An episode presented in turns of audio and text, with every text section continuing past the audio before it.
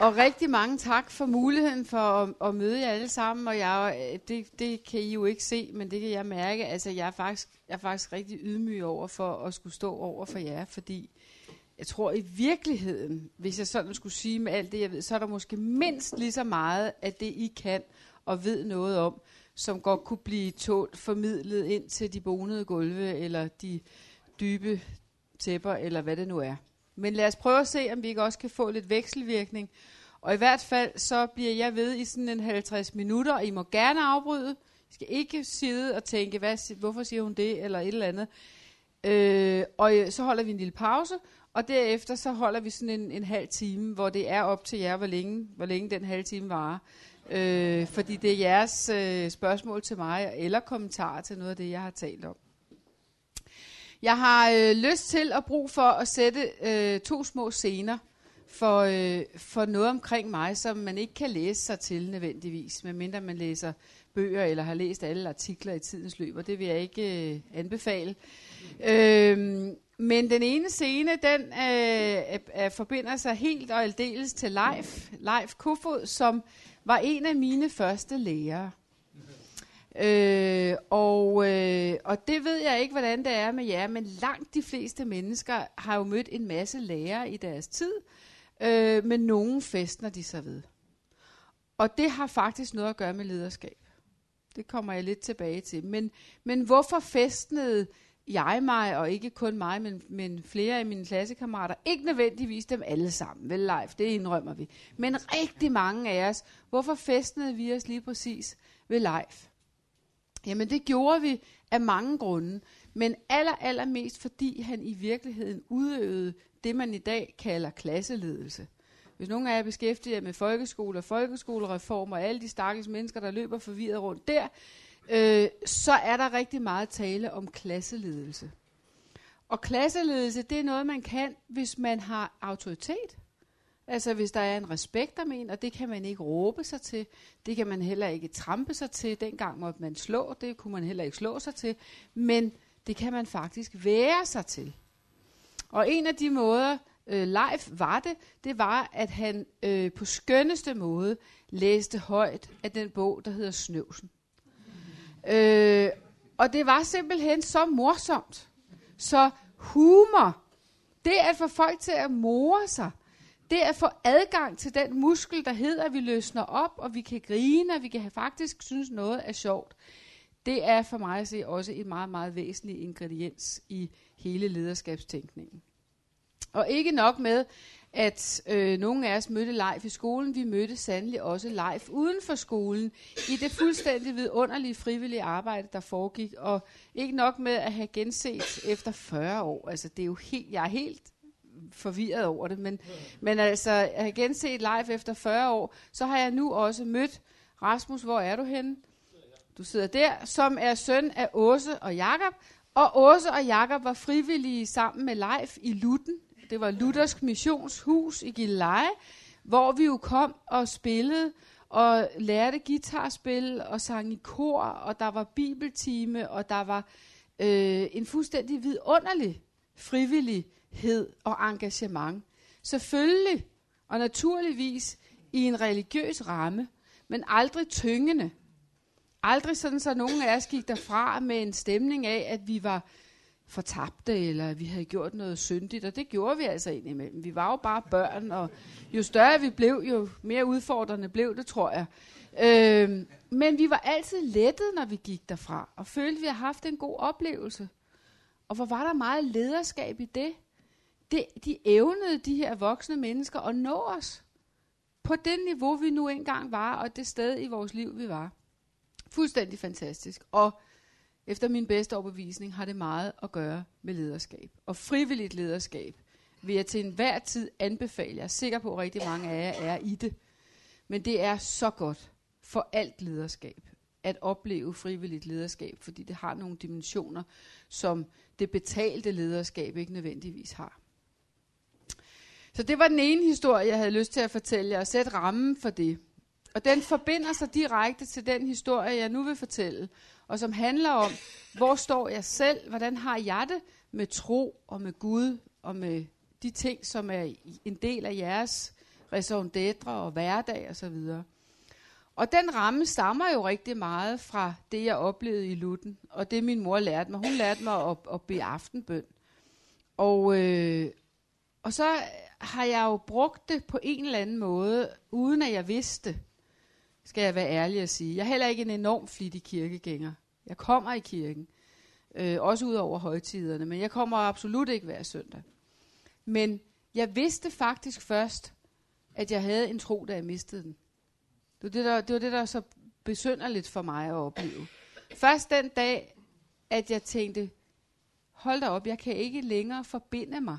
Jeg tror, I ved, hvad jeg taler om. Jeg kan ikke forbinde mig. Jeg kan ikke, der, der er ikke hul igennem. Først der vidste jeg, at det havde jeg haft. Og så kom jo det hårde arbejde med at finde tilbage til det. Og det lykkedes mig. Og det er jeg selvfølgelig enormt tryg ved og glad ved, at det kunne jeg. Men det var først, da det var væk, at jeg fandt ud af, at det nogensinde sådan rigtig for alvor havde været der. Så har jeg forsøgt så godt jeg kunne at formidle det til mine børn. Og det er ikke så godt. Altså, det er gået nogenlunde, men ikke sådan helt, som jeg havde drømt om. Men min ældste datter øh, har en tro. Min yngste datter begynder nu så langsomt, og de er altså 32 og 30, ikke? så den ældste har en tro, den yngste går det lidt tungere med. Men lad mig fortælle jer en rigtig sød historie fra da min ældste datter skulle konfirmeres. Så skulle vi jo træne i øh, budene, og øh, det foregik så ved morgenbordet, og der sad lille søster jo også med. Og jeg må straks krybe til bekendelse og sige, at jeg er den type, jeg har ikke haft et langt ægteskab. Jeg har været nødt til at bide det lidt over. Haft nogle stykker. Øh, og, øh, og det bærer børn jo på en eller anden måde på godt og ondt af, sådan præg af. Vi kommer så i virkeligheden til mit, er jeg nødt til også at indrømme, mit yndlingsbud. Må man godt have sådan et? Det må man måske ikke, men det har jeg så. Øh, jeg har et yndlingsbud, og det er øh, næste kærlighedsbudet. Og så skulle jeg jo så sige den første del af budet, og så skulle øh, storesøster der sige anden del af budet. Det var jo så øvelsen. Og jeg siger så, du skal elske din næste, og så larmende tavshed. Hun kunne jo ikke huske det. Og så siger lille søster, må jeg ikke godt prøve? Jo, jo, siger jeg så. Kom bare. Lige så meget som den første. Det var jo ikke helt rigtigt, vel? Det var ikke sådan lige måske øh, det. Men altså, øh, hun blev konfirmeret, og, og det gik sammen. så nogenlunde godt da. Men, men bare for at sige til jer, at det er på en eller anden måde er tro og, og Guds oplevelse og alt det her, det er faktisk en, en, en del af min, min hverdag og mit liv. Og, og også en del af den måde, jeg har forvaltet øh, mit lederskab på. Fordi når man er topleder, og der er rigtig mange topledere, jeg har talt med om lige præcis de her ting. Når man er topleder, så ved man også godt, at der er beslutninger og overvejelser, der er ekstremt ensomme. Og ekstremt afgørende for rigtig, rigtig mange mennesker. Skal man gå til højre? Skal man gå til venstre? Skal man lade det her få, få betydning her og nu, eller skal vi trække den lidt, og så videre, og så videre. Og der, der har jeg faktisk søgt og fået en eller anden form for guidance i den grundtro, jeg nu engang har en eller anden form for ledetråd, en rød tråd, en, en overordnet indstilling til mennesker, tror jeg måske i virkeligheden, man kan sige, som jeg har taget fra, øh, fra min tro. Og det tror jeg i den grad, at tro også kan bruges til. For alle mennesker. Og dermed bliver der en meget stærk forbundenhed imellem at lede og lade sig lede og søge og være nysgerrig og få nogle af de der retninger på ting. Nu forlader jeg så en lille smule det religiøse og den, det aspekt af tingene, og vi kan sagtens vende tilbage til det, og jeg tror også, jeg, jeg kommer til at gå lidt ud og ind af det. Øh, fordi jeg synes egentlig, at når nu I har bedt om at høre om ledelse og lederskab, altså får I altså det, som jeg giver til så mange rundt omkring. Fordi ellers så vil I sige, det var da noget mærkeligt noget, fordi hvad har hun forstand på, på Gud og teologi og sådan noget? Og det har jeg jo ikke mere end alle mulige andre mennesker. Men jeg ved noget om ledelse. Så nu går vi ind i det rum. Og det, som for mig er så utrolig vigtigt i ledelse og i lederskab, er balance. Balance i alt, hvad man foretager sig, og hvordan man tænker, og hvordan man gør. Og det er så rasende svært. Og det er rigtig, rigtig vildt svært i en tid, hvor ting går så hurtigt, som de faktisk gør. Den ene dag tror vi, at den ene ting er rigtig, når vi sidder inde i en virksomhed for eksempel, eller vi er ude i en organisation, og den næste dag viser det sig, at det ingen mening giver, fordi verden hele tiden rundt om os øh, forandrer sig og drejer rundt, og vi bliver så forvirret. Måske, altså jeg er det personligt mere nu, end jeg har været, tror jeg, nogensinde, i forhold til, hvad er rigtigt og hvad er forkert, og hvor går vi hen, og hvordan gør vi. Og det er vi ikke enige om. Det foregår i alle ledelsesregier. Øh, enormt stor oplevelse af kaos. Og det handler virkelig rigtig meget om lige nu at navigere i det kaos. Der er balance så til gengæld et rigtig godt ord. Også et rigtig svært ord at tumle med. Men lad mig prøve at give jer nogle veje ind i, hvordan jeg har kigget på det at søge balance i sit lederskab. Der er en ting, som rigtig mange af os undgår, når vi taler ledelse og lederskab. Og som jeg tror er nødvendigt at tale om. Og helt åbenbart, at man også er nødt til at gå ind i det rum. Og det er altså noget med økonomi.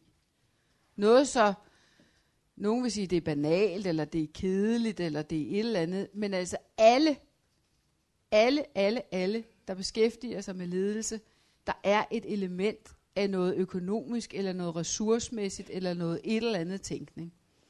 Og hvis ikke man tør at være i det, så kan man få rigtig store problemer herhenne i de, i de andre grupper, jeg kommer til.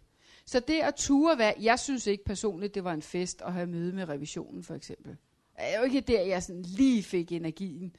Men jeg tog da de møder. En del af min pligt. Og jeg tog da selvfølgelig også det overordnede økonomiske ansvar for, hvordan det gik, og hvordan det så ud, og så videre, og så videre.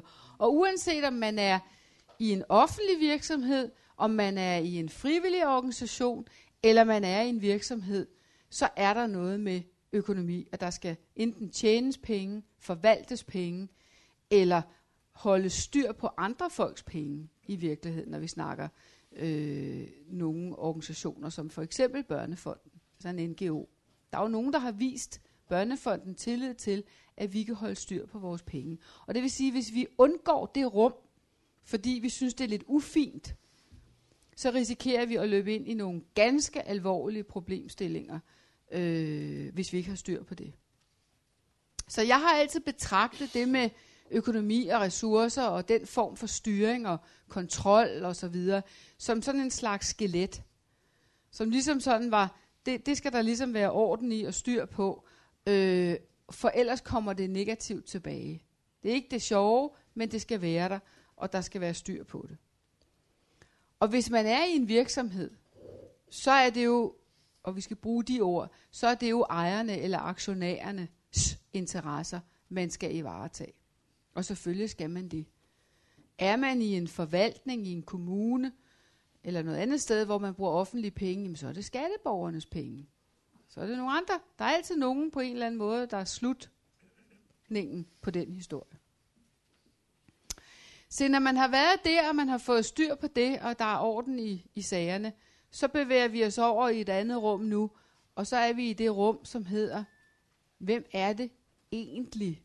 Så hvad er vores raison d'être? Hvem er vi til for? Det må være noget, I beskæftiger jer med. Altså, hvis jeg nu satte mig i jeres sted, så vil jeg sige, skal jeg kigge op, eller skal jeg kigge ud? Hvem er jeg egentlig? Hvem er jeg her for? I en virksomhed er det jo ikke særlig svært. Er der nogen, der har et bud? Men nu er skudtøjsbutik. Ja, præcis. Det er kunder. Der skal komme nogen i den butik, og de skal have lyst til at lægge nogle penge. Så det er nogle kunder. Det er ikke i alle butikker, man kan mærke det, men, men, øh, men der findes dog enkelte, øh, hvor det er helt åbenbart, at de har tænkt på deres kunder. Jeg skal fortælle jer en sjov historie bagefter om, hvordan man ikke skal gøre. Men, men der er en eller anden dimension af kunder, og det tænker jeg, at det må I også forholde jer til. Ikke som kunder, men som menighed det må da alt andet lige være en ambition, at der er nogen, der har lyst til at komme og høre forkyndelsen. Det må da være lige så kedeligt, som det er at stå og spille violin for en tom øh, koncertsal. Lige så kedeligt må det da være at være præst og ikke have nogen menighed. Tænker jeg. Man kan godt forene sig med vor herre, tror jeg, og blive enige om, at det er rigtig vigtigt, det man står og siger. Øh, men hvis man nu spørger ham, om han synes, at det ville være sjovere, hvis der havde siddet 100 mennesker, så tror jeg godt, jeg kender hans svar. Så et eller andet sted må man forholde sig til, hvordan er det lige, vi kommer i forbindelse med dem, som et eller andet sted er årsag til, at vi er her. Nu kommer historien om, hvordan man ikke skal gøre i virksomheder. Og så må I jo så se, om den kan oversættes til, til menighedssprog. Men, øh, men i hvert fald, så skulle jeg på et tidspunkt anskaffe mig en, det er meget banalt, men jeg skulle anskaffe mig en øh, vaskemaskine, der også var en tørretumbler. Den kender I godt, sådan en, der kan begge dele. Og det var til mit hus i Sverige.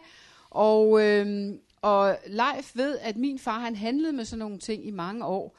Øh, så jeg havde ikke rigtig meget lyst til at gå ned i sådan en butik, men jeg tænkte, at jeg må hellere gøre det. Jeg ved godt, man kan købe den på nettet, men, men jeg har aldrig før købt lige præcis sådan en maskine. Så nu går jeg ned til Elgigant. Jeg tænkte, Elgiganten, det lyder godt. Ikke?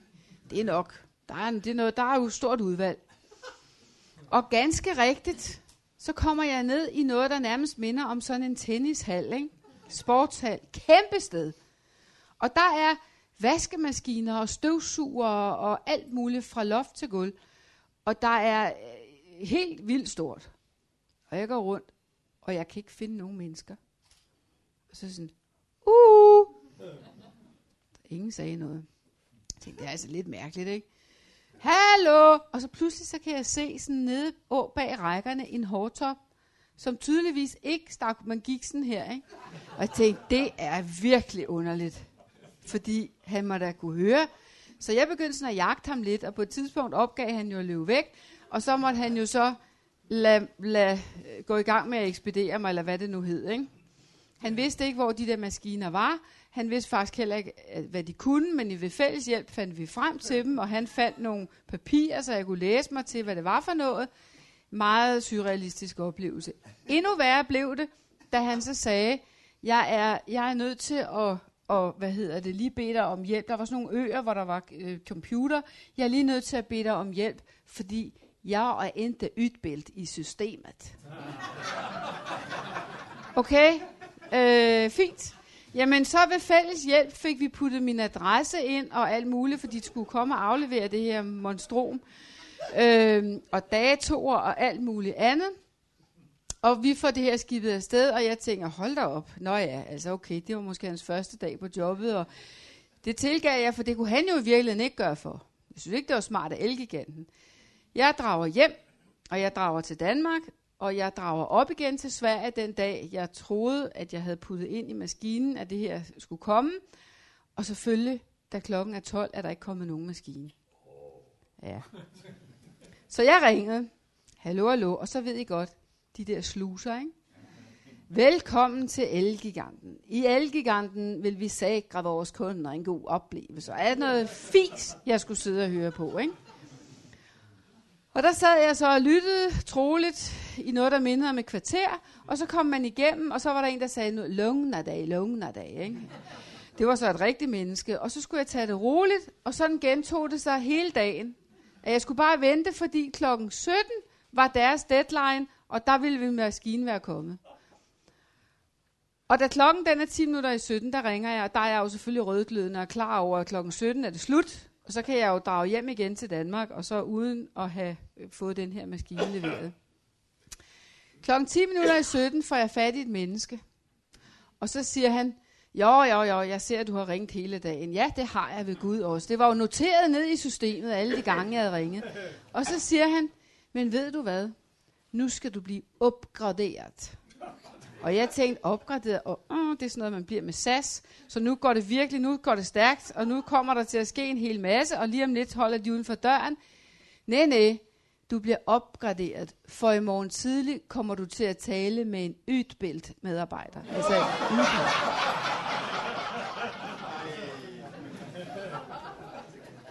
Nå. Se, det det her fortæller, synes jeg med al sin gribende enkelhed, det er, hvad man ikke skal gøre. Og desværre er der rigtig, rigtig mange virksomheder, som går den vej. Man ryger ind i endeløse baner af telefonsluser og maskiner, og man er digitaliseret 15 gange, inden man kommer ud igen på den anden side. Men der er kun os, som bruger systemerne til at sige nej. Og til at prøve at vælge nogle andre veje og fortælle højt og larmende, at sådan her skal man ikke gøre. Det med at have fokus og have øje for dem, der er ens gæster, ens kunder, ens publikum, ens menighed, det er for mig helt og aldeles det aller, aller vigtigste. Nu flytter vi os fra det, der handler om det syn, og over i det, der skal til. For hvis man nu er en stor virksomhed, hvis man nu er Elgiganten, eller man er tryg, eller man er en af de organisationer, I er i, og man altså gerne vil nå ud til de her kunder, brugere, menigheder, publikummer, hvem er det, man går igennem? Hvordan når man der ud? Man går igennem sine... Tager man selv telefonen, Andrea? Ja, medarbejdere, ikke? Selvfølgelig går man igennem sine medarbejdere. Og hvor er der bare rigtig, rigtig mange ledere, der glemmer det. Og tror, at ledelse er noget andet. Et eller andet. Jeg kan ikke finde ud af det mere, fordi for mig er det intuitivt, åbenbart, at man går selvfølgelig via sine medarbejdere. Og hvis man ønsker sig at have rigtig, rigtig glade og tilfredse kunder, publikummer, menigheder, whatever, så skal man have rigtig glade medarbejdere. Rigtig stort problem i nogle skoler lige nu. Jeg kommer fra i morges og har snakket med en masse skoleledere, blandt andet skoleledere. Hold da op. Det er ikke så godt, men øh, det skal nok ende godt. Det må vi da i hvert fald krydse fingre for. Øh, men altså ud igennem sine medarbejdere. Giv dem energi og glæde og begejstring. Og selvfølgelig også rammer. Men det er den vej ud igennem, man når det, man egentlig gerne vil nå. For man kan ikke det hele selv. Så ledelse starter i virkeligheden for alvor. Ha' et kundesyn og nå dit resultat ud igennem dine medarbejdere. Se, I skal have samme spørgsmål som det, jeg stiller alle andre ledere. Og, og unge ledere, de bliver, de bliver enormt forvirrede, og erfarne ledere, de bliver endnu mere forvirrede. Så spænd lige sikkerhedsselen. Fordi det første spørgsmål, det er ret banalt. Det næste spørgsmål, det er i virkeligheden det vigtige. Når man er leder, og skal være leder, så er der én ting, der er fuldstændig helt og aldeles centralt. Og det er et spørgsmål, der hedder, kan du godt lide mennesker? Ikke bare lidt, men rigtig, rigtig meget. Så lige dem. Lige lugten af dem. Mærke varmen fra dem. Mærke irritationen, når de ikke forstår en pind af, hvad du siger, og så videre, og så videre. Kan du virkelig, virkelig godt lide mennesker? Eller har du det sjovere, nu skal jeg nok lade være at bruge dig som eksempel, men er det sjovere at sidde med din laptop og bare for dig selv og lukke døren og sådan en spreadsheet, hvor man kan putte det hele ind, og så trykker man på en knap, og så kommer resultatet nede i bunden. Ikke? Det er ret sjovt at arbejde med sådan nogle regneark, men det er måske ikke lige det, der er det aller, aller vigtigste i lederskabet. Så spørgsmålet, kan du lide mennesker? Og de fleste ledere siger ja. Og mener det. Hvis man ikke mener det, skal man finde en anden beskæftigelse. Fordi det går rigtig, rigtig meget ud over en selv, men det går endnu mere ud over de mennesker, man har med at gøre. Helt vildt meget ud over dem. Men de fleste køber ind på spørgsmålet, fordi det virker jo meget intuitivt rigtigt. Man er leder sammen med mennesker, og det skal man kunne. Nu kommer det svære spørgsmål. Kan du lide at vaske op? Og det er ikke, nej, vel det kan jeg heller ikke, men det er ikke en opvaskermaskine.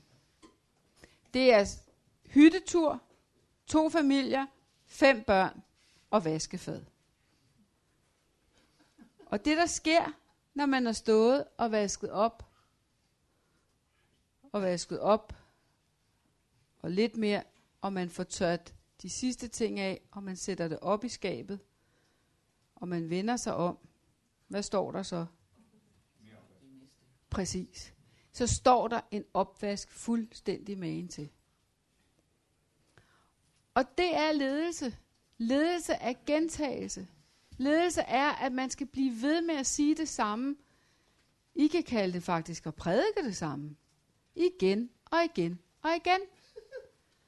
Fordi før I tror det, han er så, når I begynder at synes, nej nu, det er for kedeligt det her, ikke? så er det måske der, at folk begynder at forstå det.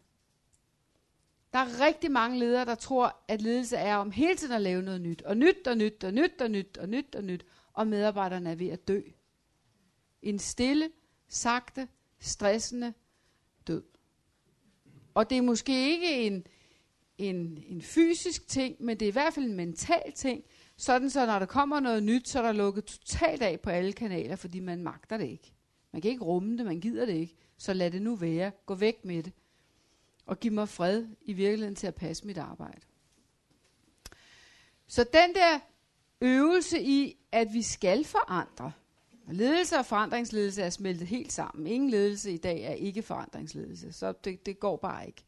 Så det der med hele tiden at forandre, men at gøre det, hvor man tager folk i hånden, og hvor man tager højtideligt, at det her er måske den tredje forandring på to år, og det er nogle lidt større forandringer. Tag det højtideligt og acceptere, at noget af det måske endnu ikke blevet absorberet. Ekstremt vigtigt. Tag højtideligt, at gentagelsen også handler om, at man i virkeligheden som leder sidder i følgende situation. Jensen kommer endelig tilbage. Han har haft overlov. Han har været rigtig, rigtig stærkt påvirket af en skilsmisse. Og nu kommer han endelig tilbage og tilbage og er i fuld vi gør. Og man er så lykkelig, for nu har man dem alle sammen på plads igen. Og ind ad døren træder Hanne. Og Hanne, hun meddeler så, at jeg er sådan cirka 6 måneder fra nu, så skal jeg altså på barsel. Og så er man jo ved at rive håret ud i totter. Eller også så absorberer man. Og så ved man, at det er præmissen. Det er mennesker, de får børn, de bliver skilt, de mister forældre. Det er sådan, det er. Og det absorberer man selvfølgelig som den gode leder, man er. Også derfor det er indimellem er ganske hårdt at være leder. Ikke bare ganske hårdt, det er meget hårdt. Og en anden gang, eller hvis vi får tid til det lidt senere, så kan vi også godt tale om, hvad kræver det, altså hvad kan man gøre, hvordan absorberer man, hvordan hjælper man hinanden med at absorbere osv. osv. Vildt vigtigt, fordi man skal selvfølgelig holde til det også selv personligt. Men balancen i det handler om medarbejdere, balanceret med kunder, balanceret med økonomi. Og det er selvfølgelig der, hvor det bliver enormt svært. Det er fyldt med dilemmaer, det her. Det er et minefelt af dilemmaer. For alle ledere. Ikke bare for jer, men for alle. Hvordan tager jeg hensyn til, at der for eksempel er for meget damp under kedlerne, for meget pres på, og jeg ved, jeg kan ikke skaffe flere ressourcer, og herhenne blandt medarbejderne, der er altså nogle af dem, der er ved at brænde sammen. Og i øvrigt, så har vi lovet, at vi skal have en endnu højere kundetilfredshed. Hvordan løser jeg det? Hvad gør jeg? Jeg tror, at den aller, aller, aller vigtigste opskrift på det er følgende. Der er nogen, der finder på at ringe til en konsulent. Der er nogen, der for eksempel hedder McKenzie. Dem ringer de tit til. Der er også nogen, der hedder, de hed Andersen, nu hedder de noget andet. Der er masser af konsulenter. Og jeg ved ikke, om, om I bruger konsulenter i kirken, men, men altså for eksempel, da der var øh, kommunalreform og alt det der, så var jeg til nogle forskellige konferencer, og hold da op, hvor var der mange konsulenter. Vildt mange konsulenter. Hvad er det, konsulenter spørger om, når honoraret er på plads? Det er det første, ikke? Det er også fair nok. De lever af det, sådan set. Men hvad spørger de om, når vi er blevet enige om, hvad de skal have for det? Hvad er det næste spørgsmål? Nogen, der har. Må vi godt tale med chefen? Ja, ja, ja, ja. Hvem sagde medarbejderne? Yes. Må vi godt tale med medarbejderne? Så der er et eller andet mærkeligt, ikke? Fordi hvis lederne taler med medarbejderne, sådan jævnligt, og ved, hvor skoen trykker, og ved, hvor noget måske kunne blive bedre, og så videre, hvorfor i alverden skal vi så bruge penge på konsulenter? Der er jo dobbeltdækning på en eller anden måde, ikke? Og det har vi dybest set ikke råd til. Så mit gode råd til alle organisationer, det er, glem konsulenter. Hvad skal vi med dem? Hvis vi har dygtige ledere, der er veluddannede, og som i øvrigt gør det, jeg kommer til at snakke om lige om lidt, så behøver vi dem ikke. Det er unødvendige omkostninger. Det er ikke altid, jeg bliver modtaget med klapsalver, særligt ikke, hvis der er mange konsulenter, når jeg siger det her. Men det er grundlæggende en uskik, vi har fundet ud af. Det er noget andet, hvis vi sidder med et eller andet stort, vigtigt IT-problem, som vi ikke kan løse, og vi ved, der bor nogen over i det hus der, der kan løse det. Fint, ring til dem, skynd jer lidt, og så går de igen, når de er færdige. Men at lede og styre og motivere, det skal ledere. Det skal konsulenter ikke. Det er simpelthen øh, pinligt, hvis man skal ty til det. Fordi en organisation, hvor der er god forbindelse mellem medarbejderne og lederen, så vil den organisation til enhver tid kunne mærke, have fingeren på pulsen nøjagtigt, hvor kan vi forandre, hvor meget kan vi lave om, hvor ligger potentiale for forbedringer, fordi det kommer helt af sig selv for medarbejderne. Hvad skal der til, for at man som medarbejder har lyst til at sige, prøv lige at høre her, vi er altså 10 i den her afdeling. Og hvis vi gjorde det og det og det, og sådan og sådan og sådan, så kunne vi måske nøjes med at være 8. Hvad skal der til, for at de tør sige det? Der skal tillid. Og der skal selvfølgelig den mentale kontrakt, der hedder, hvis I kommer og fortæller mig, at noget kunne være anderledes, og vi kunne gøre det her billigere eller bedre eller noget andet, så lover jeg arbejdsgiver jer, at I ryger ikke bare ud på gaden, men vi bruger de kræfter på noget andet, eller I får en anden mulighed for at virke et andet sted. Så det man kan gøre, hvis man virkelig arbejder med det her om hyggeligt, og det tager det ikke noget, man gør på en uge. Det tager mange år at oparbejde den tillid og den respons i en organisation. Men det man kan, det er, at man kan begynde at lave i virkeligheden sådan selvuddannende loops, Øh, og så begynder sådan en organisation virkelig at kunne noget, og kunne noget ekstraordinært. Og det er ganske, det er ganske enestående. Man kan se virksomheder rundt omkring, hvor de virkelig lykkes med det. Og det giver en fantastisk glæde. Det interessante ved det er, at alle interessenter, alle interessenter får det bedre af det. Medarbejderne bliver gladere, lederne bliver gladere, øh, kunderne bliver gladere, Bundlinjerne bliver gladere, for de sparer alle konsulenterne, plus at de får de nye idéer, der skal til. Så det er i virkeligheden en god historie. Og det, der er rigtig vigtigt, ud over tillid, og ud over øh, tilliden til, at man kan komme med gode idéer osv., det er selvfølgelig også tilliden til, at folk kan tænke selv. Hold da op, hvor er der mange steder, hvor man møder medarbejdere, som i virkeligheden det, de laver, når, de, når man møder dem, det er, at de læser op af sådan en skript. Det er helt vildt, og det er helt tåbeligt latterligt. Det skulle man forbyde, synes jeg. Eller man skal protestere som kunde og sige, det der kan jeg høre, det er noget, du læser, farvel, og så gå sin vej. Lad mig give et eksempel på, hvordan jeg i sin tid, og det var i tryk, øh, forvaltede det der med tillid og tro på at lade medarbejderne selv i virkeligheden bedømme ting, og hvor, hvor, godt der kan, hvor meget godt der kan komme ud af det. En øh, meget moden skadebehandler, hun har været 45-50 år, hun vælger at skifte fra et andet stort forsikringsselskab til Tryg. Og historien her kender jeg jo først bagefter, men altså nu får I lige forhistorien. Og det gør hun, fordi hun havde hørt, at i Tryg, der måtte medarbejderne tænke selv. I det andet selskab, hun var ansat i, der måtte medarbejderne helst ikke, skulle helst ikke tænke. De skulle bare komme og levere et eller andet, og så skulle de gå igen. Og jeg havde altså en helt anden filosofi omkring, hvorfor vi betaler medarbejdere penge for at være til stede. Det er fordi, de skal bruge hovedet og hjertet, og også benene en gang imellem. Hun får en opringning fra en dame, en ældre dame på 82 i Stockholm, hun var svensker, øh, og hendes lejlighed er ramt af, hvad hedder det, øh, vand fra lejligheden op over, og var ubeboelig. Så hun skulle læse op i forsikringsbetingelserne, ja, hun skulle genhuses, ja, hun skulle genhuses. Og så siger hun til damen, fordi hun bruger sit hoved, så siger hun, jeg kan se, at øh, sådan og sådan, der er så stor en skade, så nu skal jeg finde en, en lejlighed, en genhusning, men jeg har en anden idé. Ja, siger damen på 82 ja, jeg har tænkt mig at tilbyde dig tre ugers rekreationsophold på Tenerife. Og damen siger, nå, jeg hold da op. Og så siger den kloge skadebehandler, jeg synes, du skal tale med din datter om det, for det var jo en ældre dame.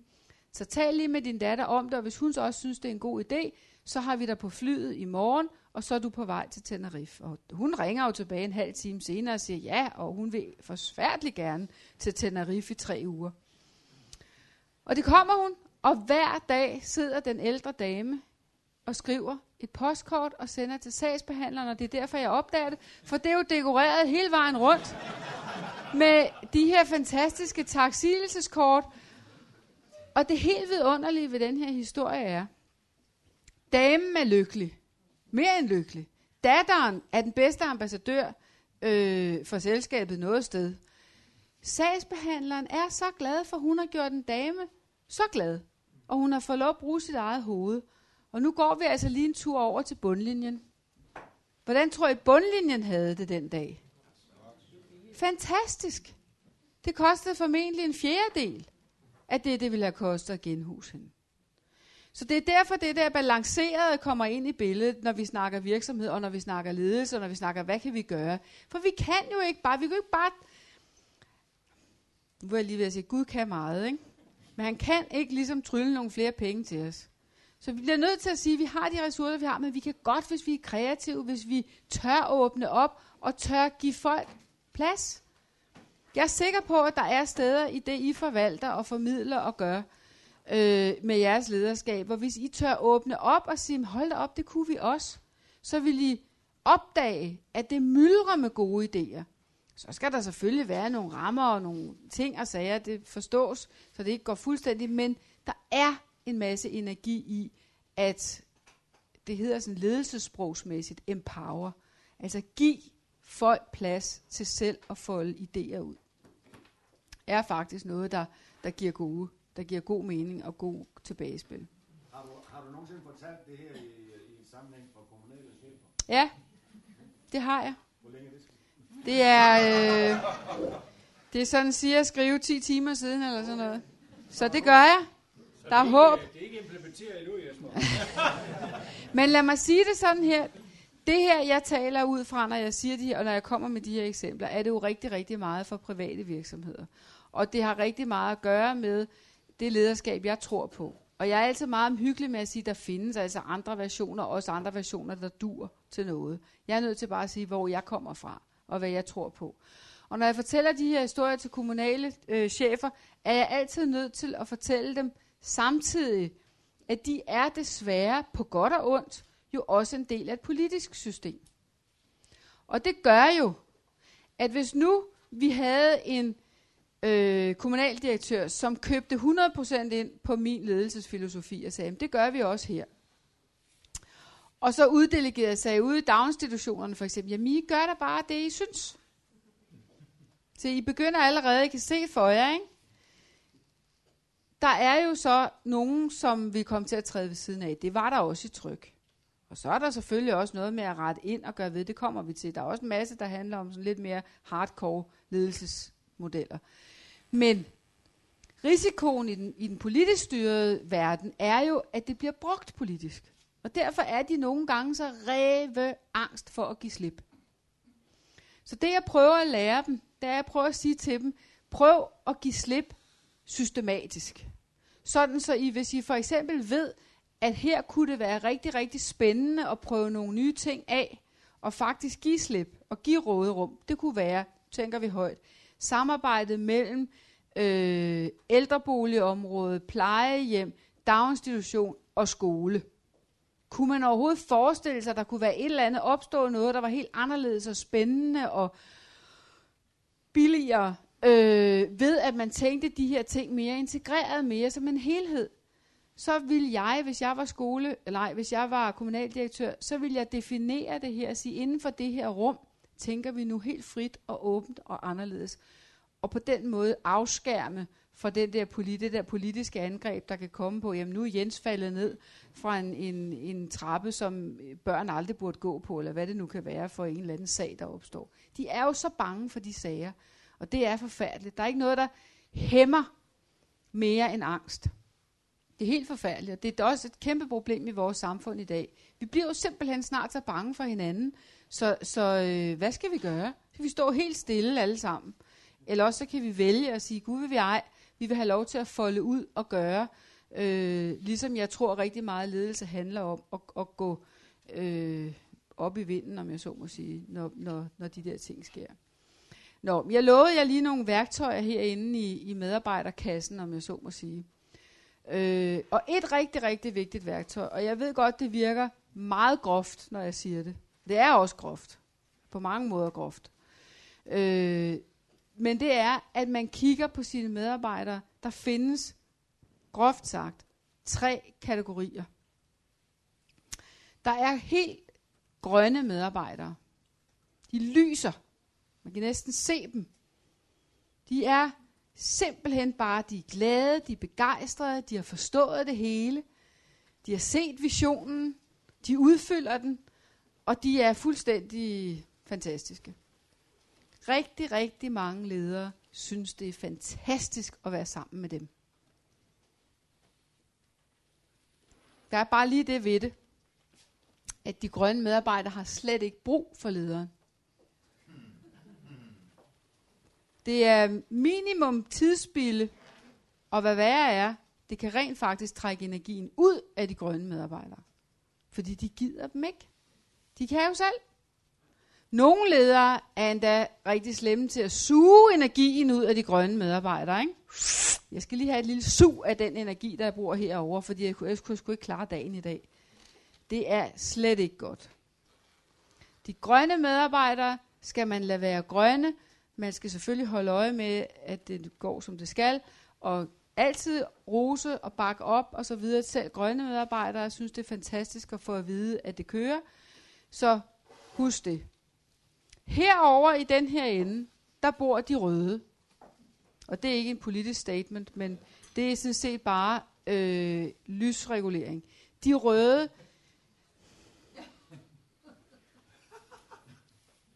de er negaholikere. De lever af det. De, de, de, de får næring af at være sure. Og det er ikke fordi, de ikke vil gøre et godt job. Husk det. Der er ingen medarbejdere, der går hen til deres arbejde og siger, i dag vil jeg lave øh, ikke noget godt. Jeg synes det ikke lave et ordentligt stykke arbejde. Det er der ingen, der gør. Men ikke synes, at deres øh, repræsentation i verden er at være sure og være imod. Og være kritiske. Det er faktisk det, de er sat til i verden for. Og det er sådan set okay, alt den stund de ikke smitter. Hvis de smitter, er I nødt til at gøre noget ved dem, når I leder. Den går ikke, fordi de kan smitte de gule. De gule er jeres spilleplade. De gule er der, hvor I skal opmuntre, give opbakning, give motivation, begejstre. De gule kan blive grønne, men de gule kan også blive røde, hvis de røde smitter. Man skal håndtere de smitsomme røde, og de andre røde skal man egentlig være glad for, fordi det er faktisk rigtig vigtigt, at der er nogen, der stiller sig kritisk an. Det vil faktisk være rigtig, rigtig godt. Og det er rigtig skønt, fordi så ved man altid, hvor den kommer fra, når den kommer. Så har man styr på det. Det er groft, det jeg siger her. Men det er rent faktisk sådan, at hvis I går hjem, og I tænker over det, så kan I godt få nogenlunde billederne af, ikke helt detaljeret, men sådan i forskellige situationer, at det faktisk er ret meget sådan. Man kan selv være i forskellige. Man er nogle gange helt grøn og begejstret, og så kan man selvfølgelig også en gang imellem være over i det mere kritiske hjørne. Forhåbentlig kan I spille på hele banen, når I leder. Det er ret vigtigt. Det er den ene måde at arbejde med, med ledelse, og på enkelt niveau næsten arbejde med det. Jeg synes jo også, der er en meget mærkelig ting, når vi snakker medarbejdere, og når vi snakker måden at håndtere sit lederskab i forhold til medarbejdere, og det er, det forekommer mig, apropos kommuner og så videre, det forekommer mig meget mærkeligt, at man, fordi man er offentligt ansat, skal være mere syg. Det kan jeg simpelthen ikke forstå. Og hvis man nu besluttede sig for, vi alle sammen sagde til hinanden, det er vi selvfølgelig ikke. Altså, vi kan ikke, det er jo ikke et spørgsmål om at ansætte nogle flere læger. Det er et spørgsmål om at have nogle ledere, der motiverer og begejstrer og sanktionerer. Sådan så hvis Jensen er syg konsekvent hver mandag, så må der altså være et eller andet, der skal gøres. Ikke? Og det, der skal gøres, skal gøres, også når det er lidt barst. Fordi hvis ikke vi gør det, hvis ikke vi håndterer også den barske del af lederskabet, så sker der noget ikke så godt. Så begynder nogle andre nemlig at tage over, og så mister vi grebet, og så får ting i øvrigt bare lov at være. Så lederskab er rigtig meget positiv opmundring, motivation, gå forrest, vise vej, vise eksempel. Det er ikke det, du siger. Det ved I alle sammen godt. Det er det, vi gør. Det er det, der gør indtryk. Hele tiden have den rettet, den opmærksomhed rettet, og så håndtere det, der skal håndteres. Det sidste springer vi som mennesker intuitivt over, fordi det er ikke rart. Men det er ekstremt vigtigt, hvis man vil sit lederskab, at man også håndterer den side af tilværelsen. Og så skal vi selvfølgelig arbejde med vores lederskab i en organisatorisk ramme. Ikke bare en en-til-en af medarbejdere, men en organisatorisk ramme. Vi skal have den rigtige struktur på en organisation. Den har vi enormt meget ansvar for. Og så skal vi selvfølgelig arbejde, synes jeg, med de dilemmaer, som rammer enhver organisation hele tiden. Måske er det en af vores tids mest underkommunikerede ledelsesting, det er dilemmadelen. Hold da op, hvor er der mange dilemmaer. I tryk måtte vi på et tidspunkt sige til os selv, jamen vi kan jo ikke skrive alt ned. Vi kan jo ikke lave sådan nogle regler for god opførsel, og regler for, hvor meget man må være på computer, og regler for ditten og dutten, og det bliver jo sindssygt. Så jeg kan ikke holde det ud. Vi kan ikke lave sådan nogle regler. Men vi kan træne, og vi kan træne sammen i at håndtere dilemmaer og diskutere med hinanden. Hvad gør vi? Hvad gør vi i forskellige situationer? Og så blive dygtigere på den måde. Og vi udviklede simpelthen et brætspil. I skal, I skal øh, interessere jer for alt det, der foregår i spil. Ikke alt det ulovlige og dumme og sådan noget, men det, der foregår i, hvordan man kan lege ting igennem. Hvordan man kan få folk til at have det rigtig, rigtig sjovt og blive klogere. Tænk, hvis I udviklede et, et øh, hvad kan vi kalde det, kan vi bibelspil, hvor man faktisk med, med, med skriftsteder fra Bibelen brugte dem til at diskutere store dilemmaer, livsproblemer. Tag det der masser monopolet, det er et af de programmer, der bliver lyttet mest til. Det er fordi folk, de vælter rundt i dilemmaer i vores øh, tid. Og så brug det aktivt. Jeg, der vil, det ved jeg jo selvfølgelig ikke, om det alle steder vil myldre ind med mennesker, men måske vil der være nogen, der vil sige, hold da op, vi kan spille dilemmaspil hen i kirken, og vi kan blive klogere på nogle ting, som er vigtige i det her liv. I hvert fald udviklede vi det her dilemmaspil, og bare for at give jer et af eksemplerne på, vi tog jo ægte dilemmaer formuleret af medarbejderne selv, og bragte ind som spil. Og de var anonyme, når de formulerede dem, fordi nogle af dem var jo lidt i den svære ende, kan man sige. Et af dem var så følgende dilemma, og det er en ægte historie. Og jeg ved ikke, om den er, om den er så anvendelig i kirkelig sammenhæng, men det kan I jo så selv bedømme. Det handler om, at der ringer en kunde, og kunden siger, jeg vil gerne købe en husforsikring.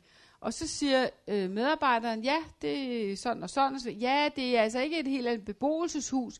Det er sådan nærmest et erhvervshus. Nå, medarbejderne så slår op i den anden tarif og siger, erhverv, erhverv. Ja, det koster så, skal vi sige, 8.000 om året. Ja, altså det er ikke et helt almindeligt erhverv. Nå, øh, hvad er det så for noget? Altså begynder han selvfølgelig at spørge lidt mere grundigt. Ja, lidt henadvridende kommer kunden så, eller tilbage i telefonen der og siger, ja, puh, der er sådan noget med damer, og øh, det er, puh, ja, man kalder det måske bordel, ikke altså. Det er sådan, ja, det er bordel. Og medarbejderne er stadigvæk sådan lidt at slå op i tariffen og siger, bordel, bundegård kunne han finde, ikke? Man kunne ikke finde noget andet. Og fortvivlet, men lidt hårdt presset, siger han selvfølgelig også, jamen ja, jo, jo, det kan vi nok godt finde ud af.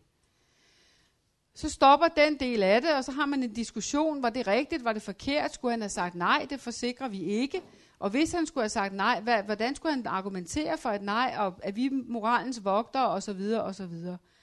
Så i spillet siger han så ja. Men så kommer så den næste information, og det er, at de kvinder, der arbejder i det her model, de er altså sådan trafficked. Ikke? De kommer udefra, der er ingen, der ved, de er her. De bor under kummerlige forhold osv. osv. og så kommer der en ny diskussion selvfølgelig. Og det her var altså en ægte situation, som var opstået et eller andet sted i organisationen, og som alle så fik lejlighed til at diskutere, ligesom alle mulige andre emner, som var meget mærkelige. Nogle af dem, hvor man tænkte, det er da underligt, foregår der sådan noget i et forsikringsselskab? Ja, det gør der. Øhm, og det at ture bruge igen øh, organisationen til at lære, og være åben for, at jeg kunne jo godt have stillet mig op og sagt, altså i min verden, der havde ingen omstændigheder skulle forsikre modeller i, i tryk. Men det er jo meget bedre og meget vigtigere at få folk at stole på, at folk faktisk igennem at udveksle synspunkter kan nå frem til rigtig bæredygtige og gode øh, løsninger på svære problemstillinger. Og det brugte vi rigtig meget. Øh, I det hele taget brugte vi det, vi kaldte en kollektiv dialog, hvor vi lod emner diskutere, uden at have fikse og færdige løsninger. Klima var en anden, et andet stort emne, der, der vi sådan lod folk diskutere. Øh, og på den måde uddanne hinanden og udvide folks horisont. Jeg tror, at lederskabet ligger rigtig meget i at ture og tro på, at mennesker er kloge og dygtige og faktisk kan noget, og give dem rummet og pladsen til øh, selv at udvikle. Og nu kommer den sidste balance, og så holder vi pause. For nu har vi altså balanceret imellem medarbejdere, kunder, menighed, publikummer og økonomi. Og prøvet at bygge nogle broer hen over det. Der er så også en anden balance. Og den handler om, skal man altid være enig i en organisation? Og skal man gøre sådan her? Eller skal man nogle gange, og det skal man til noget, altså jeg tror måske i militæret, at det er en meget god idé, at man er nogenlunde enige om, hvad målsætningen øh, nu engang måtte være. Men, øh, men, men også i militæret faktisk har der været rigtig mange øh, amerikanske officerer øh, over og undersøge, hvordan er det nu lige, vi gør i Danmark, fordi man fandt ud af, at i den uhyggelige, men virkelige verden, hvor krig jo altså desværre endnu er en realitet, der er det faktisk ekstremt vigtigt, at, soldaterne tænker. Det mente man jo ikke som udgangspunkt. Der skulle de bare parere en ordre. Men man har jo fundet ud af i dag, at det er meget, meget vigtigere, at de, når de når frem til et eller andet sted, faktisk kan tænke. Og det kan danske soldater altså i langt højere grad end amerikanske, og derfor har der været en, en, også en udveksling der. Nå. Men altså at tro på, at, at folk kan tænke selv, øh, og at det er en, en, en vigtig ingrediens. Øh, det skal man have med sig, og det skal man bruge aktivt, synes jeg, i sit lederskab. Ellers så misser man måske i virkeligheden det aller, aller vigtigste og mest centrale. Inden I får fri 10 minutter, så, øh, så lige en ting mere, en dimension, jeg ikke har. Nå nej, jeg skulle lige sige, det er færdigt om balance. Jeg tabte en halv tråd. Balance er også at skabe uenighed. Fordi hvis man skal lave forandringer, hvis man skal flytte ting, så er det rigtig, rigtig vigtigt, at man tør være i et rum med uenighed. Forleden dag læste jeg en artikel fra Novozymes, jeg synes, det var sindssygt spændende, om hvordan deres forskere, de forsker i enzymer, om hvordan deres forskere næsten fysisk, dog ikke fysisk, men næsten fysisk, kom op og skændes i laboratoriet. Fordi de er så passionerede, og den ene forsker siger, men sådan her har det altid været. Det står i enhver lærebog, og så er der en anden forsker, der har fundet ud af, at det passer slet ikke. Den gnist, der springer, når vi tør at være uenige, er utrolig vigtig for at udvikle og for at flytte. Og møde nogen, der ikke mener nøjagtigt det samme som mig, er ekstremt udviklende. Jeg ved ikke, om nogen af jer er aktive Facebook-brugere eller Twitter-brugere, men, men det er noget af det, jeg har besluttet mig for, at, at det vil jeg simpelthen lære mig. Jeg tænkte, det kan ikke nytte noget, at man går hen og bliver ældre i det her samfund, og så simpelthen ikke forstår en bjælle af, hvad der foregår inde på de der sociale medier. Så det har jeg egnet noget tid til, og det er både skræmmende og enormt opmuntrende. Øh, den skræmmende del af det, det er, hvad folk kan finde på at sige om andre mennesker. Det er simpelthen, og jeg gør altså det, jeg skriver at øh, hvis du skriver sådan om andre mennesker, og det er uanset hvem de er, og hvad de er, og hvor de hører til og ikke hører til, hvis du skriver sådan om andre mennesker, så fjerner jeg dig. Simpelthen ikke være en del af det. Øh, og det er sådan en lille advarsel, og så tager folk som regel tingene i sig, eller også så bliver de endnu mere hissige, og så ryger de væk. Øh, sådan kan man godt lave sine egne små regler inde på de der sociale medier, men det er enormt lærerigt at finde ud af, hvad der foregår derinde. Jeg kan kun opfordre jer til det. Øh, og man lærer, man lærer altså på godt og ondt dybden af, hvad der foregår inde i folks øh, hoveder på en helt anden måde.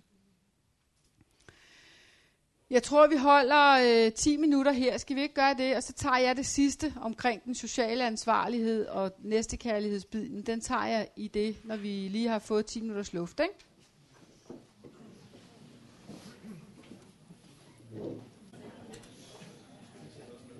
Ja. Så tager vi anden halvleg.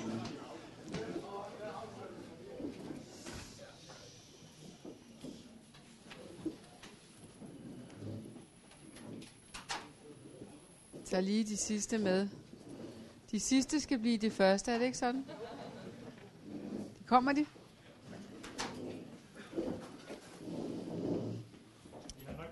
Der er for lidt autoritær ledelsestil her, i. Nej, nej, nej, det kan være meget værre. Det er, så, det er de akademiske fem minutter i hvert fald. Det er godt.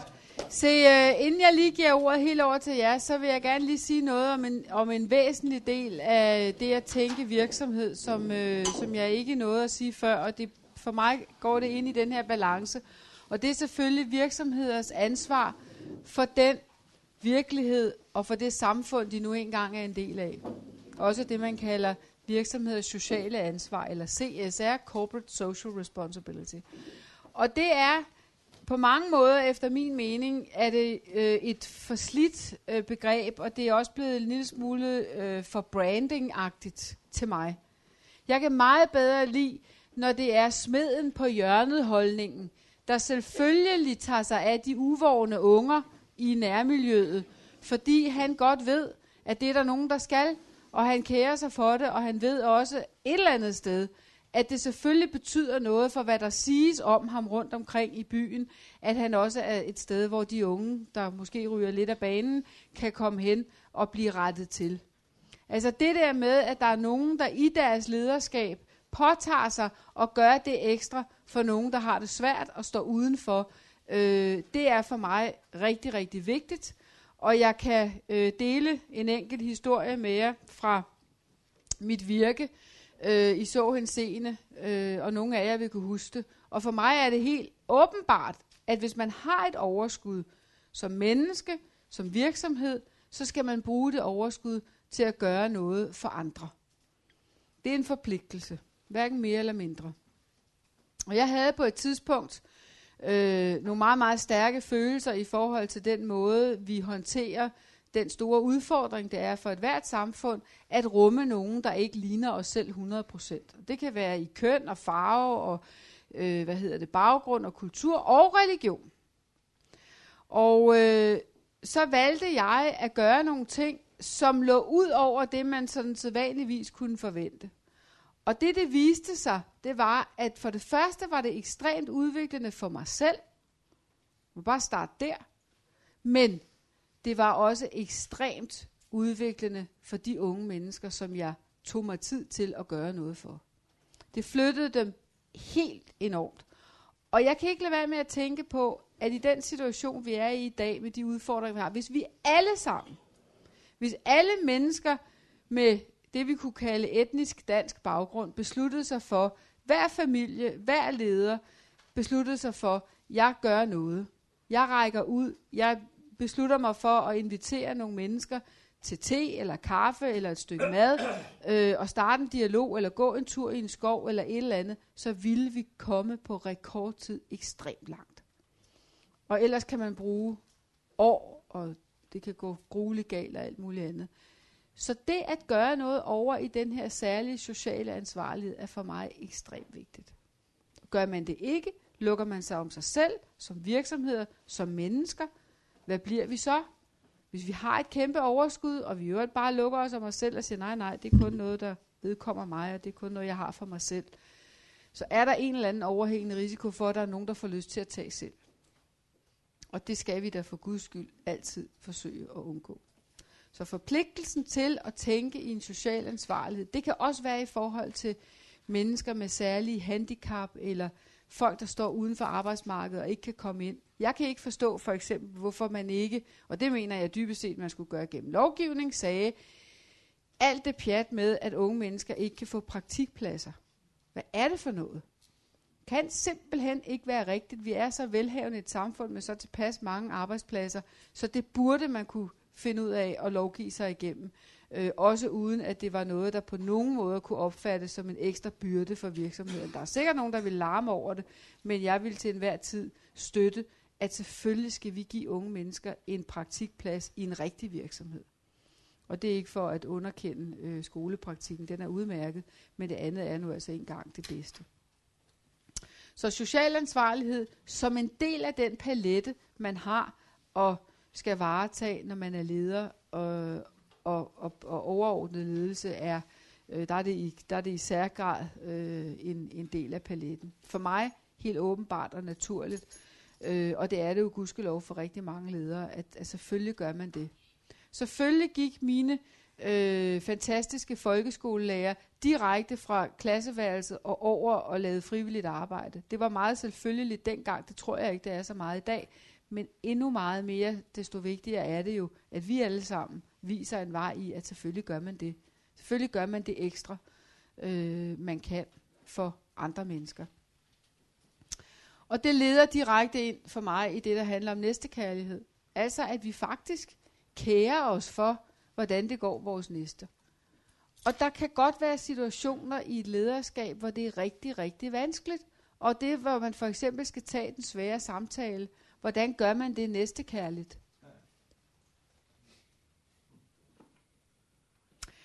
Det er der rigtig mange ledere, der fra spurgt mig om. Jeg var personaldirektør i fem år, og der var i de fem år naturligvis rigtig mange af den type samtaler. Sådan er det nu engang i en stor virksomhed.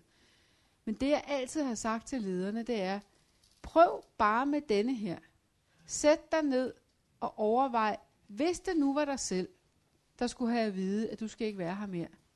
Hvordan vil du ønske, selvom budskabet for Guds skyld ikke var noget, du drømte om, men hvordan vil du ønske, at den situation foregik? Og så tag bestik af det. Tænk det igennem, mærk det igennem, hvordan vil du have, den samtale var, og så kan du gøre det nøjagtigt på den måde. Det er den bedste måde, du kan formidle det på, for det kan ikke siges. Og det værste ved det hele er, at nogle ledere, de tror, det er sådan noget med, det er altså ikke mig, der har bestemt det.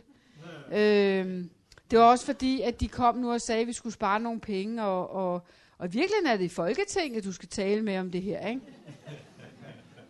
Han går jo ikke, vel? Så når man er i den svære samtale, så er det næste kærlige, og det lyder måske mærkeligt, men for mig, så er det næste kærlige at være den, Altså være den, som formidler netop det ubehagelige budskab, og så være den, som også er nødt til at absorbere en eller anden form for vrede og aggression og tristhed og hvad der nu ellers kan være forbundet med det. Men ikke det der med, det er jeg også ked af, og det, er ikke noget med, det har egentlig ikke noget med mig at gøre. Jo, det har det. Så man kan sagtens også bruge en måde at tænke næste kærligt, også ind i de svære ting. Selvfølgelig kan man det.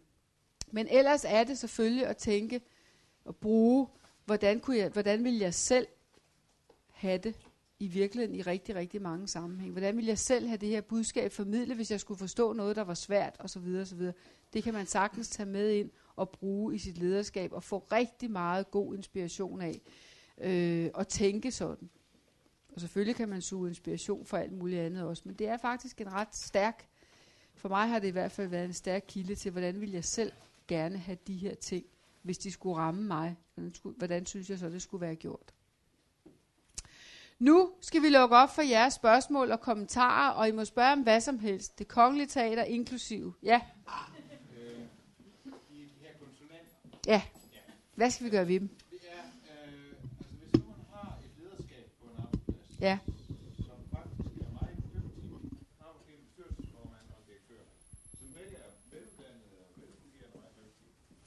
men slider hinanden op, fordi de simpelthen arbejder så forskelligt. Kunne en konsulent måske hjælpe, hjælpe på det? Du siger en bestyrelsesformand og en direktør. For eksempel. Hvad laver bestyrelsesformanden? Eller damen? Altså, det kan jo være en både mand og kvinde. Hvad, det, er, det er hypotetisk. Så. Ja. Men altså, altså, lad mig så sige det på den måde. Det lyder for mig som om, at bestyrelsesformanden gør noget, man ikke skulle. Fordi altså, en bestyrelsesformand skal være bestyrelsesformand, være med til at sætte retning og hastighed på direktørens øh, kald, om jeg så må sige, og skal så i øvrigt trække sig tilbage. Man skal jo netop ikke slide og gnide hinanden op, øh, og der er ikke selv den dygtigste konsulent, tror jeg, så skal det næsten være sådan en ægteskabsrådgiver eller sådan noget, der skal ind over det, ikke? eller en psykolog måske, fordi det er ikke en konsulent. Konsulent kan ikke løse det der. Det der skal løses ved, og det bør jo så være bestyrelsesformanden, det er jo altid enormt vigtigt, at den, der ligesom på en eller anden måde er højest i hierarkiet, har jo et særligt, en særlig forpligtelse. Det er vist helt åbenbart. Og derfor må det være bestyrelsesformanden, der siger til direktøren, vil det være vi, der ved at slide hinanden op. Så enten skal jeg trække mig lidt tilbage i lokalet, og så må du ligesom tage den, eller også så, øh, og det må jo være op til den diskussion, så må direktøren måske skulle noget andet, hvis de simpelthen ikke er enige om, hvor den organisation skal hen. For det værste, der kan ske, det ved jeg også godt, hvis der sidder nogen og skændes heroppe, så tror de nogle gange, at de spiller, øh, hvad hedder det, bag lukkede døre. Det gør de aldrig. Der er altid publikum på. Og, og, og det bliver enormt ubehageligt at se på på et tidspunkt. Og hvad betyder det, hvis de sidder heroppe og sendes? Dem, der sidder lige nedenunder, de sidder helt stille. De har ikke lyst til at være en del af den der diskussion. Så hvis det er et aktuelt tilfælde, og man sidder her, og man kan se det, så vil jeg sådan set sige det til dem, tror jeg. Men, men det kræver nogle gange lidt ekstra mod og, og mandshjerte. Konsulent? Nej, det tror jeg ikke. Ja?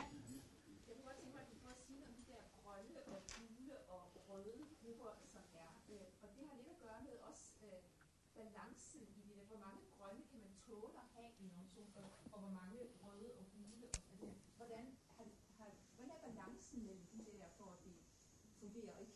Super spørgsmål.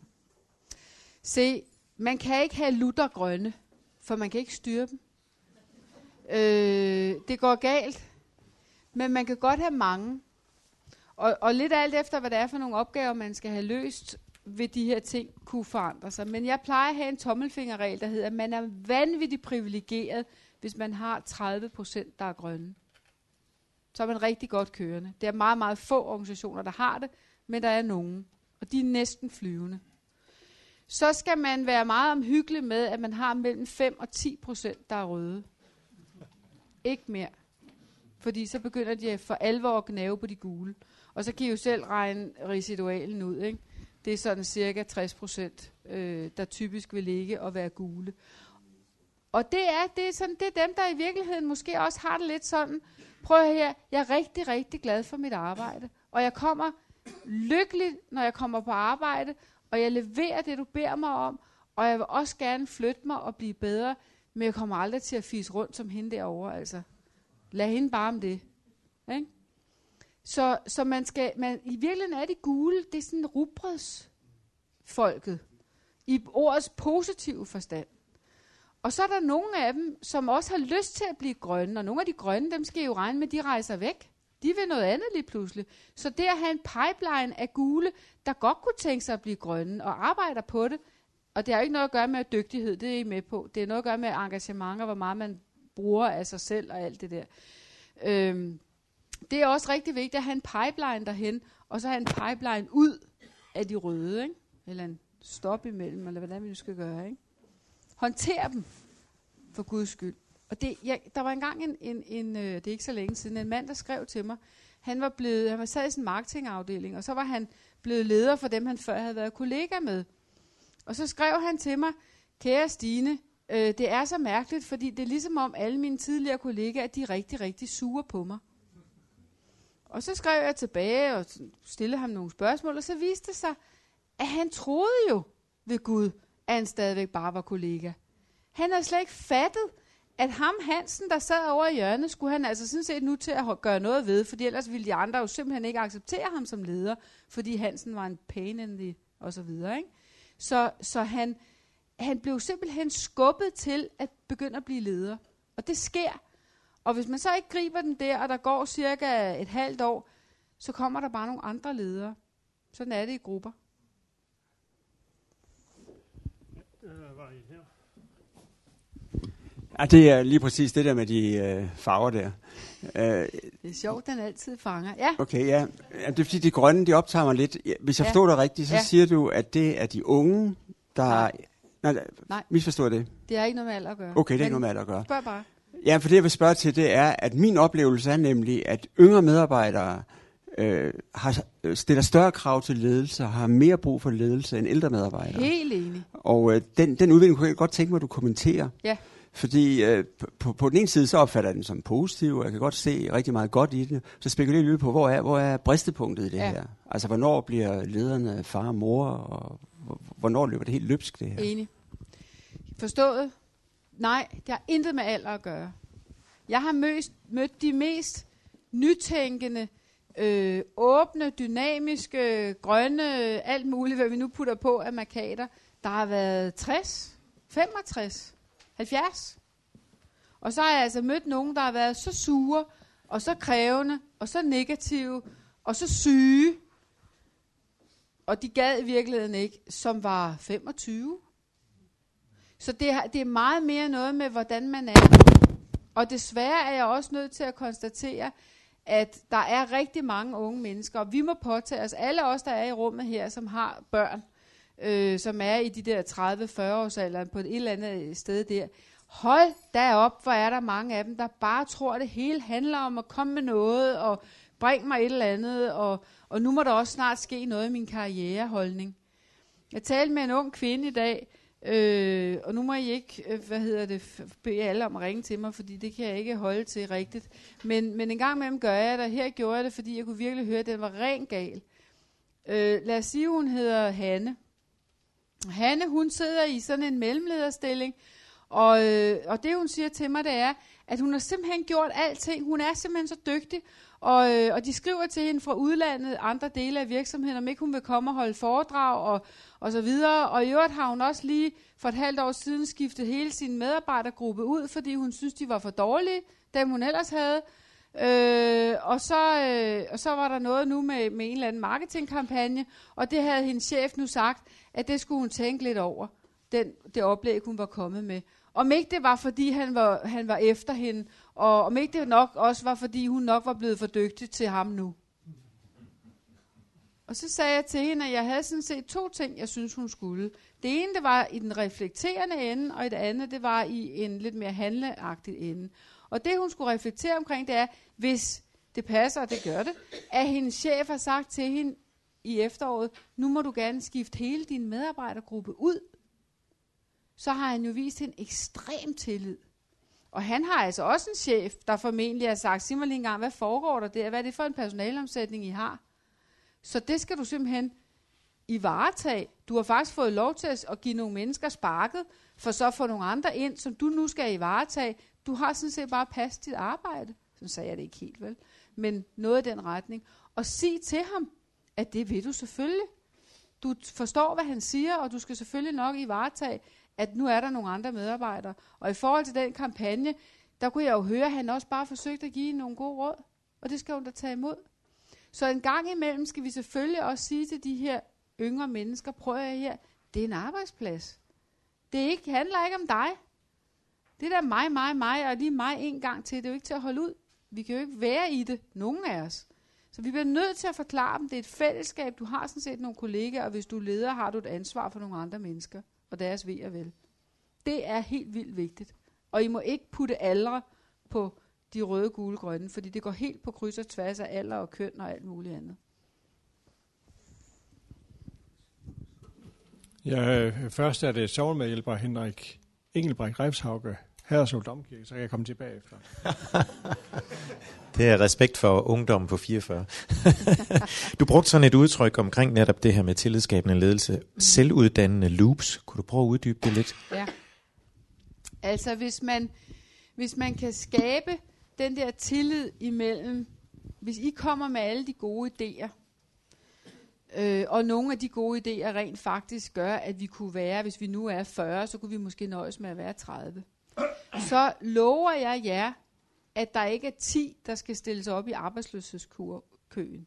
Men at vi bruger den energi og den, den ressource, vi gør fri, den bruger vi til nogle andre ting, der gør, at vi kan noget mere og noget andet. Og hvis der er, at vi har nogle økonomiske ting, der på en eller anden måde tigger herude, så prøver vi at finde en naturlig afgang, Og hvis ikke vi kan klare den igennem naturlig afgang, så prøver vi at tale med nogle andre i systemet. I, I er jo altså mange, hvis I nu snakker sammen. Om ikke der er nogen, der måske kunne passe ind et andet sted osv. Der kan man hjælpe hinanden i den grad i store organisationer. Og kan man få den tillid, så vil medarbejderne komme med gode idéer. Og de gode idéer, det er dem, I har brug for. Det er dem, I har brug for at høre og tage ind over jer, fordi ellers så er der nogen, der en dag ringer til en konsulent. Og så siger, kunne I ikke lige støve det hele igennem McKinsey? Og så finder de alt muligt, også noget, de aldrig skulle have været i nærheden af. Men også noget, de skulle have været i nærheden af, fordi I ikke har været det.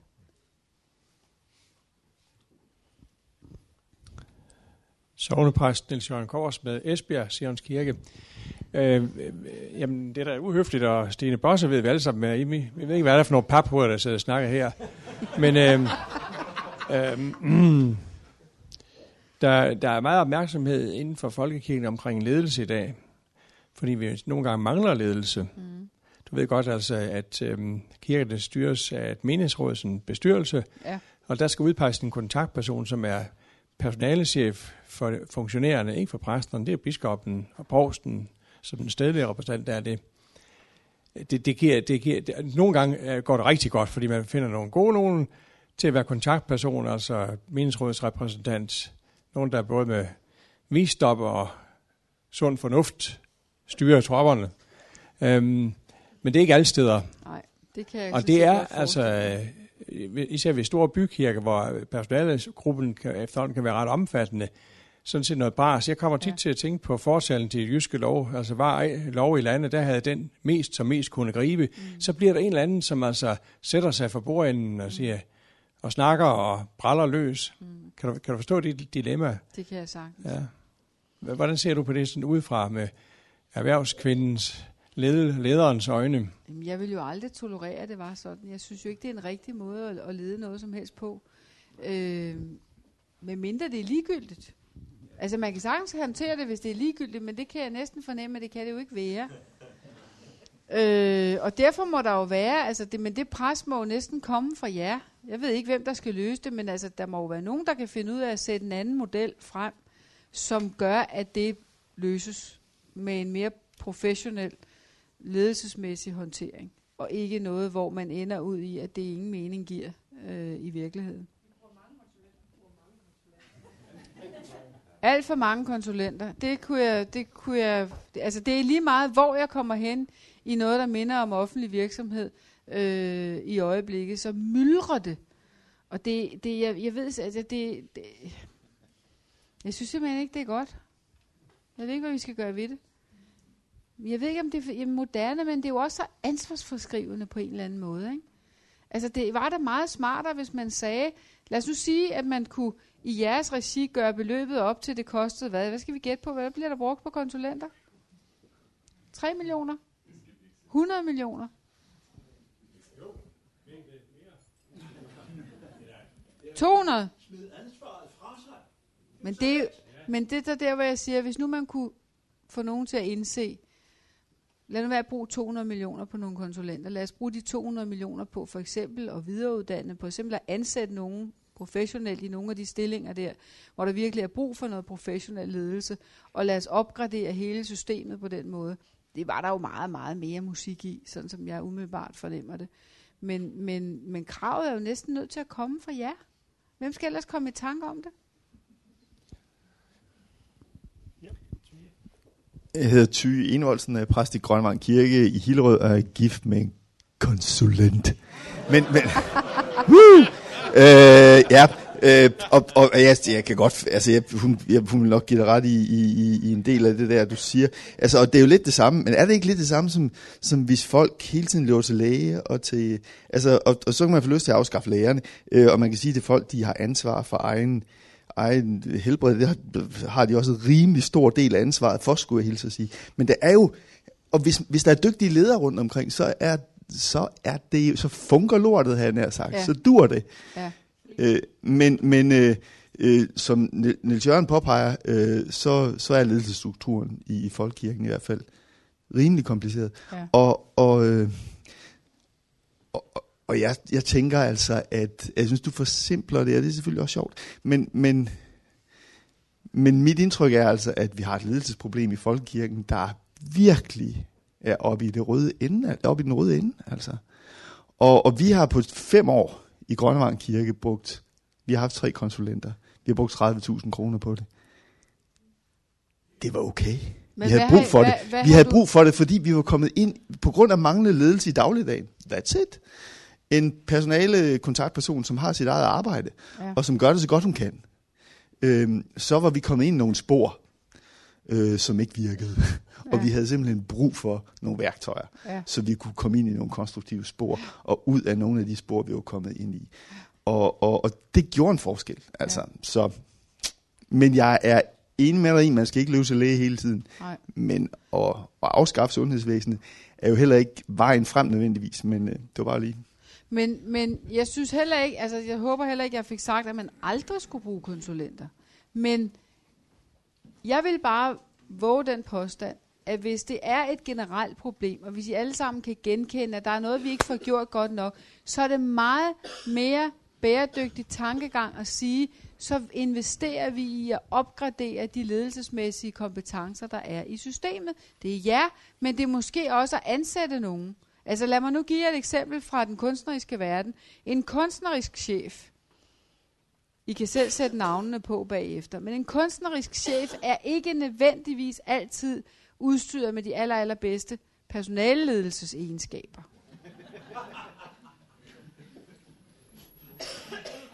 Men det, kan man, det har man løst i den verden, hvor man har sagt, så ansætter vi ved siden af det, det, vi kalder en administrativ leder, som faktisk kan det. Og, som, og samspillet skal så selvfølgelig være i orden og lydefrit og alt muligt andet. Men hvis man nu overvejer at opgradere, det jeg kan høre, der sker omkring det med konsulenter og den tankegang, der er, det er, og det kender jeg i øvrigt også fra teater, det er, I kan ikke få det som headcount. Altså, I må ikke ansætte nogen, fordi det gør vi ikke længere. Men I må godt købe konsulenter. Så det kan jeg simpelthen ikke fatte.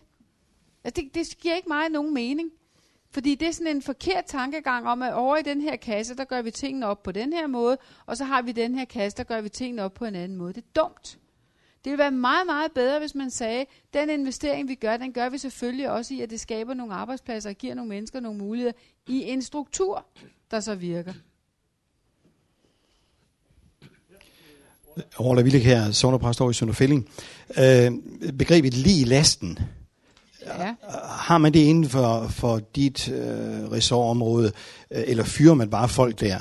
Altså, men vi er i sovne og skal være ledere der, og har man været der i mange år, som for eksempel også jeg har været præst ja. Et sted, øh, så er det ofte, man bliver overrasket over, hvis du øh, sender et budskab osv., så, så høres det på en helt anden måde, fordi det viser sig, at de lige i lasten, de er måske blevet til skeletter i skabet, eller hvordan du siger, øh, hvor meget kød der er på.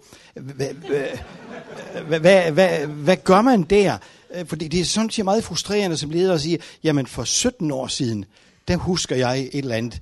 Øh, og det er ofte det, der, der forstyrrer utrolig meget. Men vi, vi kan ikke lige øh, afskede, nogen siger, færdig med dig over til pinsevennerne. Eller, altså, vi kan ikke ekskludere nogen af folkekirken, eller nogen af vores menighed. Og det ønsker vi heller ikke. Men hvordan opererer du med det? Fordi det er heller ikke rart for dig at afskedige nogen med lige lasten, fordi det, det er en dårlig reklame for være ansat, da du var i tryk for eksempel. Men hvad gør man der? Men, men to ting. For det første vil jeg sige til dig, da jeg mødte folk fra Baltica, jeg kan godt huske, der var noget, der hed Baltica, så blev det til Tryk Baltica, så blev det til Tryk. Ikke?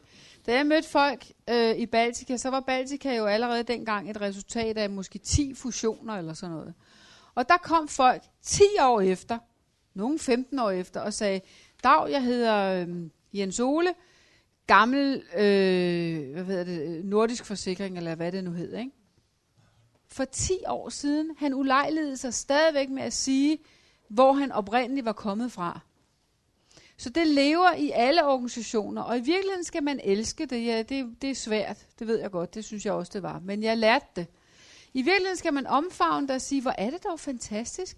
Folk kommer her til mig, og de tager deres rygsæk, hvor de har alle fusionerne, og dengang graveren blev skilt og alt muligt med nede i rygsækken, og siger, prøv at se her, jeg er den og den og den og den, og det er virkelig en, min hurtige måde for mig at give dig, hvem jeg er.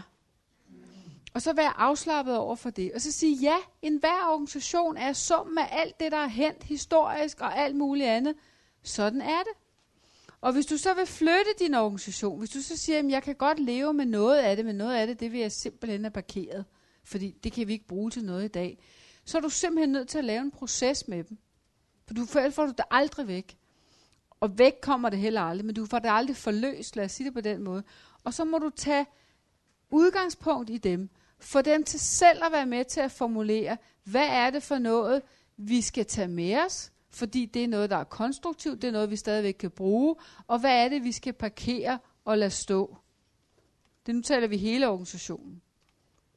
Den proces kan gøres. Hvor stor er organisationen? Hvor mange mennesker? Altså i min menighed, Ja. der er omkring 2500. Men det kan stadigvæk lade sig gøre. Du bruger noget IT, og... Jeg kunne gøre det med, jeg kunne gøre det med 4.000, så kan du også gøre det med, med 5. Men altså, der er nogle ting her, vi parkerer. Dem lader vi stå. Det vil vi ikke. Vi vil ikke beskæftige os med det mere. Vi ved, det er der, og vi har talt om det. Vi kan også sætte det op på plakater, at det var der. Og nu går vi videre frem. Sådan kan du gøre. Processen kræver jo en konsulent. Hvordan gør man sådan noget? Nej, det kan man også som leder. Du godt træde ind og ud af de der roller.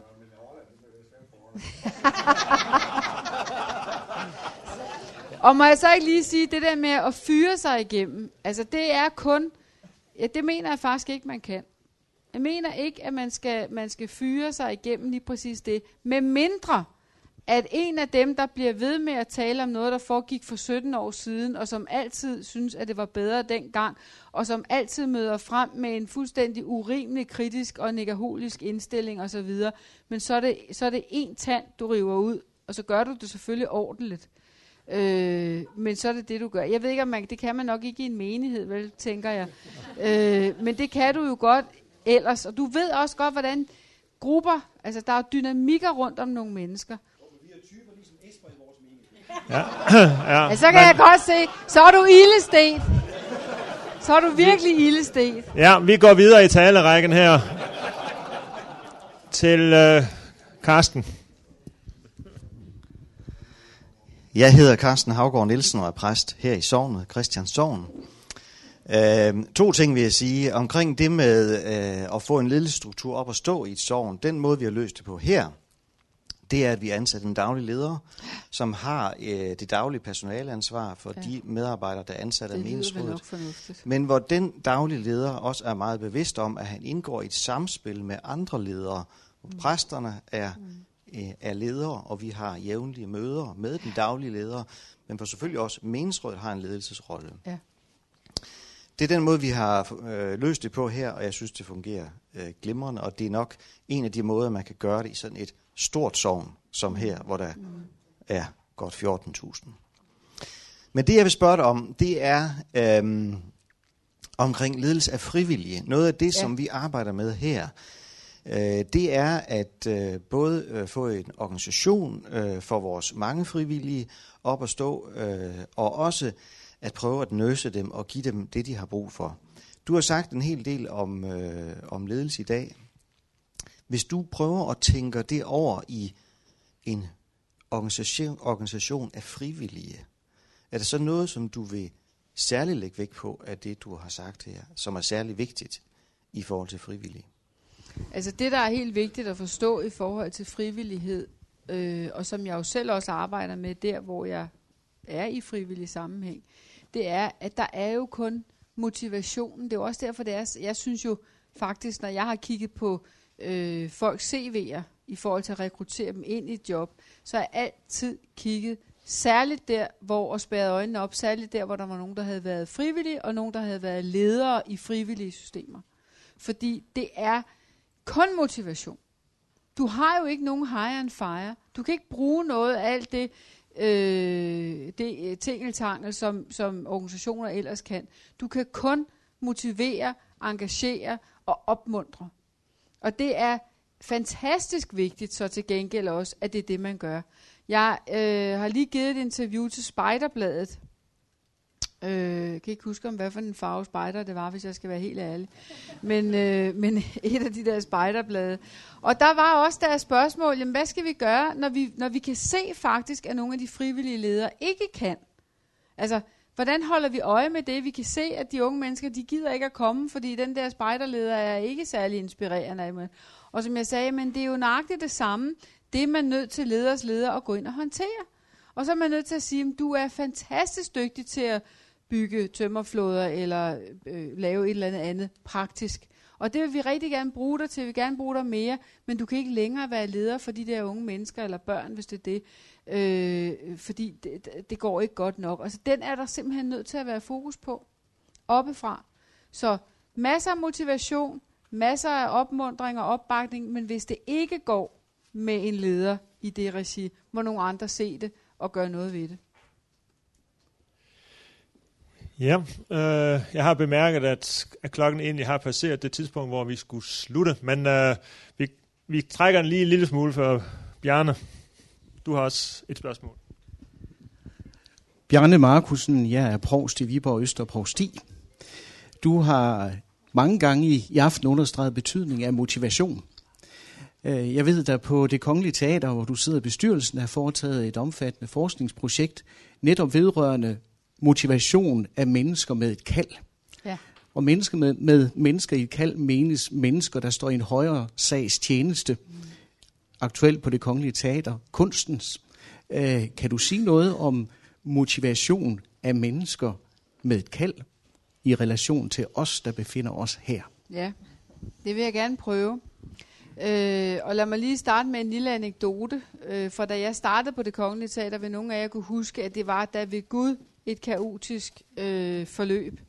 Alt var oppe i luften. Kokain og ballet og fyringsrunder og en operachef, der smed sig rundt på scenen. Og, jamen, det var helt fuldstændig. Jeg har aldrig oplevet noget lignende, vil jeg love jer. Og, og jeg håber sådan set, at jeg skal prøve det igen. Men, og jeg var enormt bange for, at jeg var fejlkastet, fordi jeg vidste sådan set ikke helt, hvordan jeg skulle gribe og gøre. Og så møder jeg Gita Nørby. Jeg har faktisk lige haft en meget stor ære af at være inviteret til hendes 80 års fødselsdag. Det mener jeg faktisk, fordi hun udvælger sådan, ikke? Så det var ærefuldt. Men hun møder jeg hende til en, en øh, sammenkomst efter en premiere, og så kigger hun lidt op og ned af mig, og så siger hun, har du nogensinde ledet primadonnaer? Og altså, hvis hun havde været inde i mig, så ville hun vide i forvejen, hvad jeg er ved at dø af skræk, ikke?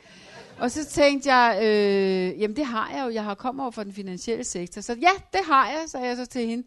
Fordi i den finansielle sektor, der er der faktisk rigtig mange af dem, hvad ikke er forkert. Nå, så stod hun lidt og kiggede, så sagde hun, jeg tror, du klarer den.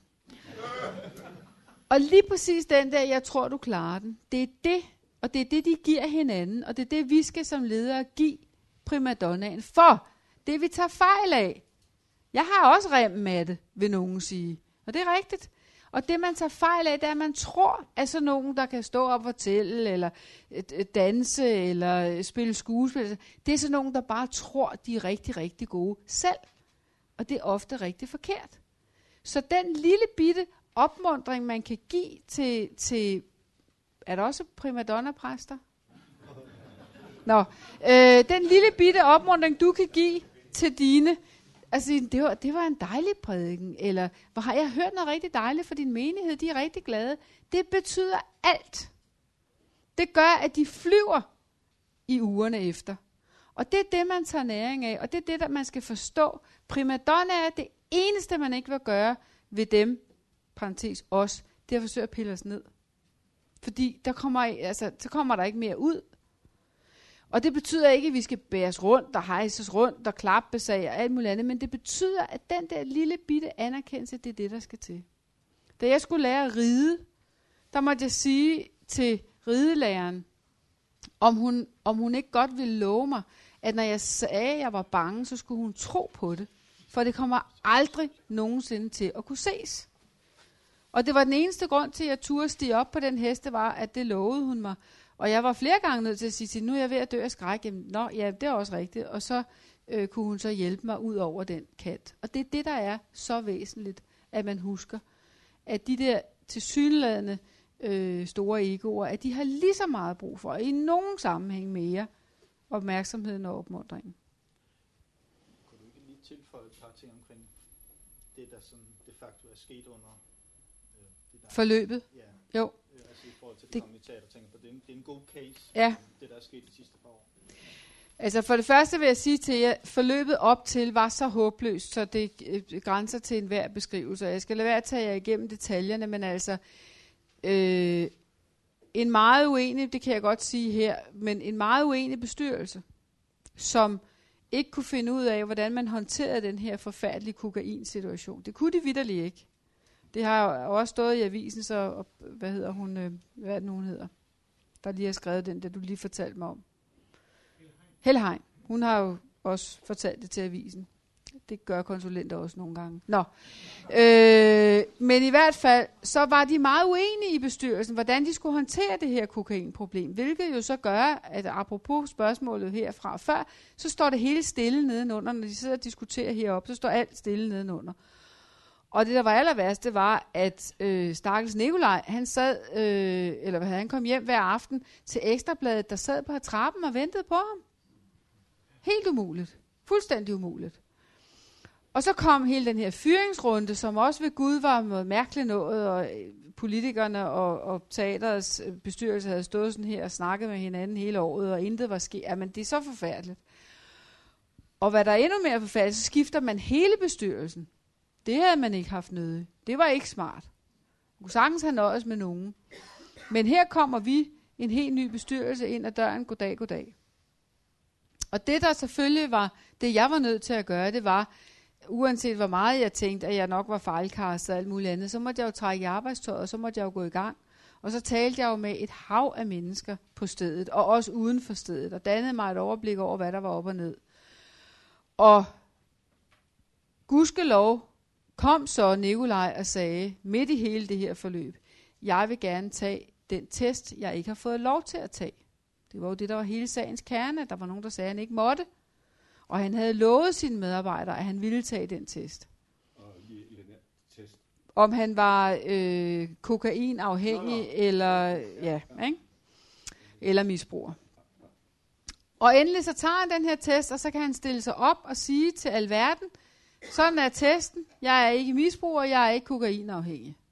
Og så falder hele det der spøgelse jo væk, og han får et rum, hvor han kan folde sig ud og blive den fantastiske balletmester, han er i dag, og han får et ledelsesrum tilbage, som han jo havde mistet, og så videre, så videre.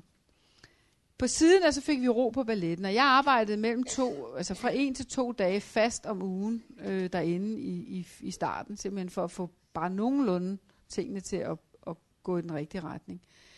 Det andet, jeg så selvfølgelig var nødt til at arbejde på, det var, at det tillidsforhold, nu har vi talt tillid rigtig meget, ikke? det tillidsforhold, der skal være imellem en teaterchef og de medarbejdere, der er på et teater, det var væk. Det var pist borte. Og den måtte vi jo så i den grad arbejde på. Og hver andet øjeblik stod der i avisen, og havde stået i lang tid, at nu skulle teaterchefen også fyres og alt muligt andet. Og selvfølgelig skulle teaterchefen ikke det af en ny bestyrelse, der jo i den grad havde brug for at komme ind ad døren og finde ud af, hvad der er op og ned, og hvordan skal det her foregå. Men selvfølgelig måtte jeg også være ærlig, og det handler lederskab jo også for mig, gør det i hvert fald, ærlig at sige, at jeg havde nogle spørgsmålstegn. Det ville enhver, der kender mig, vide, at det havde jeg. Og så arbejdede vi med det, og vi arbejdede med at genoprette tillid, og vi gjorde det ene og det andet osv. Og, som I kunne se, konsekvensen og konklusionen, der var så til gengæld også nogle steder, hvor vi bare måtte konkludere, at med det vi kunne se, bestyrelsen kunne se, at brug for både lederskab, øh, forandringsting og sager osv., så, så skulle der ny ledelse til. Og det blev ikke helt så øh, roligt, som det jeg havde ønsket mig, men, men det skal der jo altså to til den tango, ikke? Og så fik vi lavet en, en, en, et skift af ledelsen, og nu kan jeg love jer for, at der er en fantastisk leder. Jeg ønsker Erik, og nogle af jer kender ham givetvis, det aller, allerbedste. Han er et meget, meget, meget dejligt menneske. Øh, men der var simpelthen ting, der var for svære i forhold til det sted, som teatret kan komme hen, når alle primadonnaerne forløses. Øh, og der er så meget god energi derinde. Og nu kommer det stille og roligt. Nu kommer der en ny skuespilchef også øh, her omkring 1. april. Kommer han sådan for alvor i gang. Og så vil I se øh, nogle ting ske i løbet af de næste år. Og som skal ske. Og som vi er forpligtet på. Vi får altså en halv milliard hvert år. Det er jo et svimlende beløb. Og det skal der selvfølgelig komme noget fuldstændig fantastisk ud af. Det gør der også allerede i dag, men jeg tror også på, at det sted kan endnu mere, end det vi har vist tid til. kun har brug for at tage en, en eftermiddag om måneden. Ja, altså nu er jeg der en eftermiddag om måneden. Det er jo ligesom noget helt andet, ikke? Og det er, og det er sådan noget almindelig øh, opbakning og, og sådan på en, på en helt anden, en helt anden måde end, øh, end der, hvor vi kom fra. Så et meget øh, fantastisk sted, det ved flere af jer garanteret, og det er virkelig underfuldt, det der foregår på alle måder. Er det øh, sidste? Nej, det, jeg tror, vi... Du, øh, du jeg har tror, lukket til Ja, ja, der er flere, der har markeret, det har jeg godt set, men uh, desværre så er vi nødt til at slutte nu. Og det var en dejlig opmuntrende historie, du slutter med. Jeg tror måske, der, der var nogen, øh, der kan gå hjem til deres menigheder og organisationer og tænke, okay, jamen så, så kan... Så går det nok. Altså, når det kongelige teater kan rettes op, Ja. så... Uh, ja. Det Uh, vi, havde, vi havde håbet, at... Uh, okay. Tak skal jeg. Tusind tak. Tak. Øh, Som jeg sagde til indledning, så havde vi håbet at, og troet, at, at uh, du fra de bonede gulve kunne give lidt inspiration til os på kirkegulvet, og jeg må sige, at det er i høj grad blevet uh, imødekommet det ønske og den forventning, Tak vi havde. Så stor tak, og jeg synes også, at, at spørgelysten og spørgsmålene vidner om, at, at det ramte meget plet her. Så tusind Godt. tak, fordi du tog den lange tur.